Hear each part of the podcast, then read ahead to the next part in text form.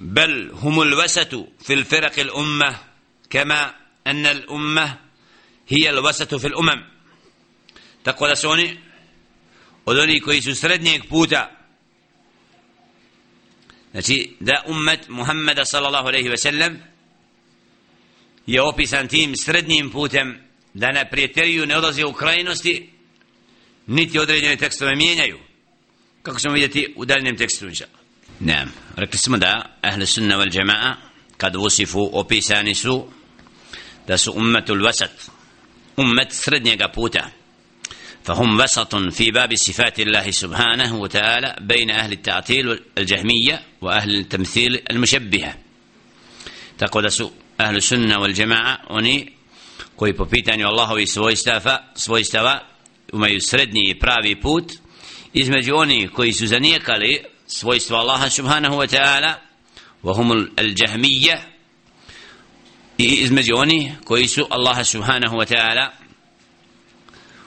učinili tešbih znači ahle temthil al mušabbiha koji Allah subhanahu wa ta'ala znači su opisali kao što su stvorenja znači ovdje vidimo da ahle sunna wal jama'a ima srednji pravi, a to je pravi put znači bez nijekanja svojstava Allaha subhanahu wa ta'ala i između oni koji ta svojstva znači uspoređuju sa svojstvima stvorenja oni su izabrali taj srednji put vahuva vahuva al-haq A to je pravi put da Allah subhanahu wa ta'ala opišemo onako kako on sebe opisao bez nijekanja ali istovremeno da ta svojstva i ono kako je Allah subhanahu wa ta'ala sebe opisao ne usporedimo sa stvorenjima jer kaže Allah subhanahu lejse ke mislihi še'un wa huwa saminu basir. Allah subhanahu wa ta'ala ništa slično nije on je taj koji sve čuje subhanahu wa ta'ala koji sve vidi Znači, ovdje vidimo svojstvo Allah subhanahu wa ta'ala, potvrđuje da čuje, potvrđuje da vidi, a kada nije mu ništa slično. Znači, nije slično kao kod stvorenja. Pogled Allah subhanahu, stvoritelja, znači, ne smijemo uspoređivati sa našim pogledima, jer Allah subhanahu wa ta'ala, znači, posjeduje vid, sluh, ali ne kao stvor, kod stvorenja. Isto tako, ahlu sunna wal jamahum vasatun fi babi af'alillah bejna al-jabriyya, wal qadariyya. Da je ahlu sunna wal jama'a su izabrali srednji put po pitanju dijela u kojima imam one koji su rekli da je čovjek prisiljen da čini sve i da nema pravo izbora. Vahumul džabrije da čovjek radi da mu je nametnuto svaki njegov postupak i nema pravo izbora a to je pogrešan pravac. Nego naprotiv da čovjek ima pravo da čovjek ne može ništa činiti mimo Allaha subhana ali da mu je dželešenu dao pravo izbora. Da izabere ovaj ili onaj put. I da nije prisiljen da slijedi uputu ili zabludu nego da ima pravo izbora u tome. To je taj srednji put. Ili kadarije koje kažu da Allah subhanahu wa ta'ala bila min kelimeti da nas Allah sačuva njihove zablude kad kažu da Allah subhanahu wa ta'ala nema ništa sa djelima čovjeka.